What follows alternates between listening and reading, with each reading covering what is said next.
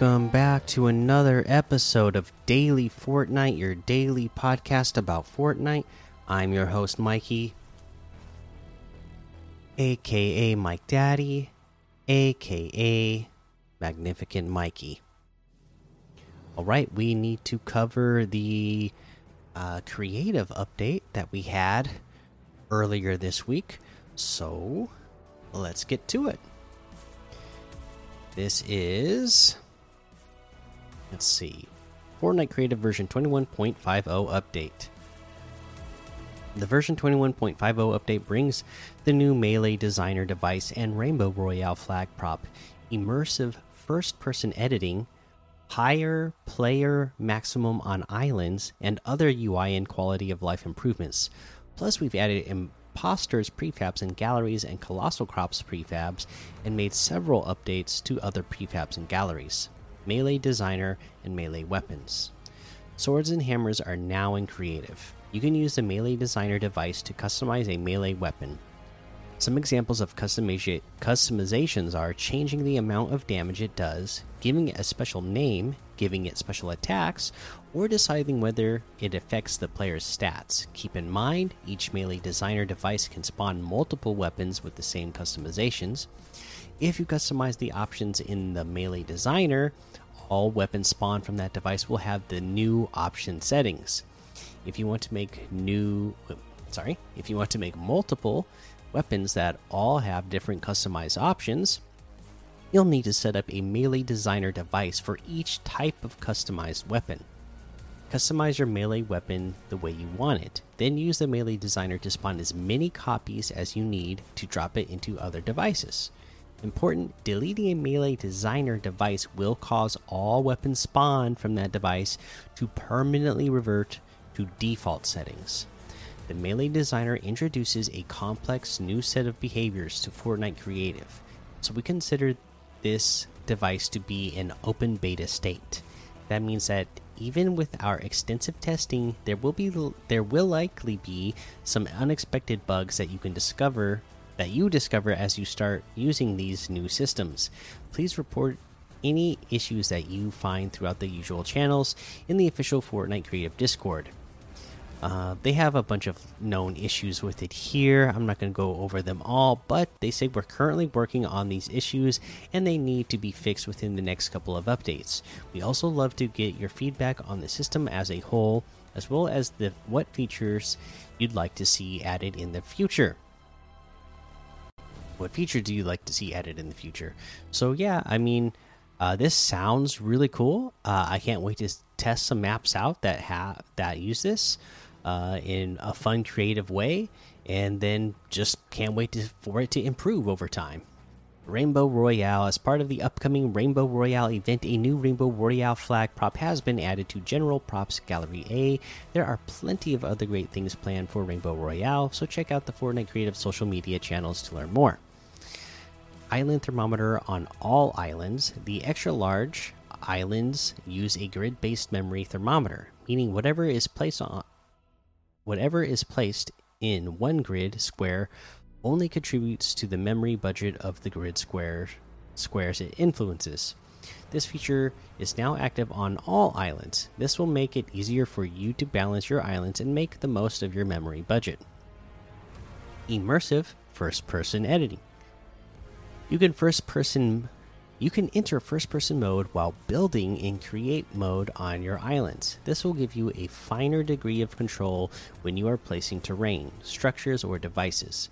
The setting for immersive editing is in your quick menu, which you can open using the options hotkey. Like the Melee Designer device, this system this system is complex. Despite our extensive testing, immersive editing is likely to have some bugs and edge cases that we haven't found so we consider this an open beta feature. You can help us out by reporting any issues you have when you're using the feature. Team and player maximum increased. Your islands can now have up to 60 players or teams. Server lifetime notifications. We've changed the way that server lifetime and restart is handled. Previously, when you arrived on your island, there was a storm countdown, and the storm eliminated you when the server was about to restart. Now, there are pop up messages that alert you to the remaining server lifetime, and the server automatically returns anyone on the island to the Fortnite lobby when it restarts. Uh, let's see here. They have prefab and gallery updates. They added four new imposter prefabs and three new imposter galleries. They added four new colossal crops prefabs. They added two new color picker galleries uh, so that you can customize colors for fo foliage, props, and grass floors. They added colossal crops assets to the Boney Burbs galleries and renamed them as shown below. They got floor and stair gallery, primal floor and stair gallery, primal wall and roof gallery, primal prop gallery. They added a side growing tree prop to the deserted fortress prefab and deserted fortress prop gallery. Create mode options updates. In the quick menu, two new values have been added to the flight speed option 0.1x and 10x. And then there's a whole lot of bug, device fixes, island fixes, and gameplay fixes within uh, creative. So there you go. That is our creative update. Uh, check out creative. Check out that melee stuff. That sounds like that is going to be a lot of fun. Okay, so other than that, uh, I, I don't have any other news to cover today. So for now, let's go ahead, uh, look at these uh, LTMs we have the play your way section still here. The trending variety has 150 levels death run, dark so easy, 200 level default death run featuring Adidas. Uh, for trending combat, we got Swing Network, Swing New York, uh, IO training base red versus blue, 10 versus 10, Castle Wars, Millionaire Tycoon, the Blimp gun game, one shot sniper, uh, only player 16. Uh, Dollhouse TDM. Land Shark. And there's a whole lot more to be discovered in the Discover tab. Today is Thursday, so you know what that means. Uh, that means we got some new weekly quests. Let's go ahead and take a look at these. What do we have? Challenge a character to a duel and defeat them. And You deal SM SMG damage to opponents within 5 seconds of sprinting, 250 in total. Emote in the giant Cuddle Team Leader head for 5 seconds. Uh, refuel a vehicle at different gas stations in a single match. Slide 15 meters continuously. Throw a throw a boogie bomb while at an IO outpost. Uh, use a junk rift in Wreck Ravine or at Rocky Wreckage. And that is your quest for this week. We'll give you some tips on how to get some of those done throughout the rest of the week. For now, let's head over to the item shop and see what we have today. Okay, well, we have a Destiny 2 still here, Patrick Mahomes, our Rainbow Royale stuff. Uh, don't forget to claim it. Uh, you know what? I'm going to claim it now while I got you guys here uh, listening to the podcast or watching on YouTube uh, because I don't want to uh, keep forgetting to purchase it after I'm done recording the podcast, and I don't want it to become too late later on down the line. Because you know, I, whenever I finish uh, recording these podcasts for you guys, I always like I either start playing matches right away and I don't think about going back to the item shop or you know sometimes if it's like late um, and I'm tired like I just like go straight to bed afterwards so uh you know I, I often forget to go back into the item shop and get something that it that I wanted after I'm done recording. So definitely we got them all claimed now. So love all this rainbow royale stuff. Uh phantasms pack still here.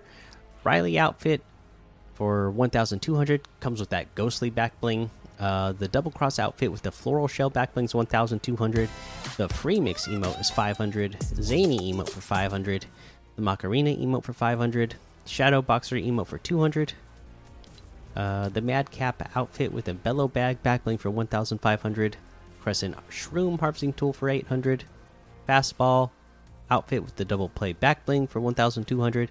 Slugger outfit with the strike zone back bling for 1200. Grand Slimer harvesting tool for 500. Home run glider for 500. We have the supersonic outfit with the gauge back bling for 2000. Airhead outfit for 1200. Maverick outfit with the bat attitude back bling for 1500. Shade outfit with the ballistic back bling for 1500. Clutch axe harvesting tool for 800. We got the Starfire bundle. This is new out of DC, one of our Teen Titans. Uh, Starfire outfit, Princess. Uh, I don't remember how to say these. Koriand'r of Tamaran and founding member of Teen of the Teen Titans. Uh, you also have the Silky Backbling, Starfire's mutant moth larva, who is always hungry, silky to her friends. Starbolt harvesting tool, energy projections produced from Starfire's fists. You got Starfire's flourish emote, demonstrate your uh, Temerian powers in the beautiful display. Uh, and Starfire flies loading screen, follow the light.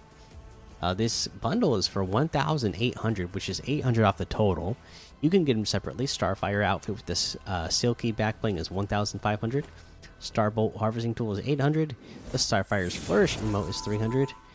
And that looks like everything today. You can get any and all of these items using code Mikey M M M I K I E in the item shop, and some of the proceeds will go to help support this show.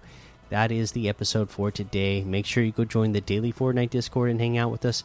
Follow me over on Twitch, Twitter, and YouTube. Head over to Apple Podcasts, leave a five star rating and a written review for a shout out on the show. Make sure you subscribe so you don't miss an episode. And until next time, have fun, be safe, and don't get lost in the storm.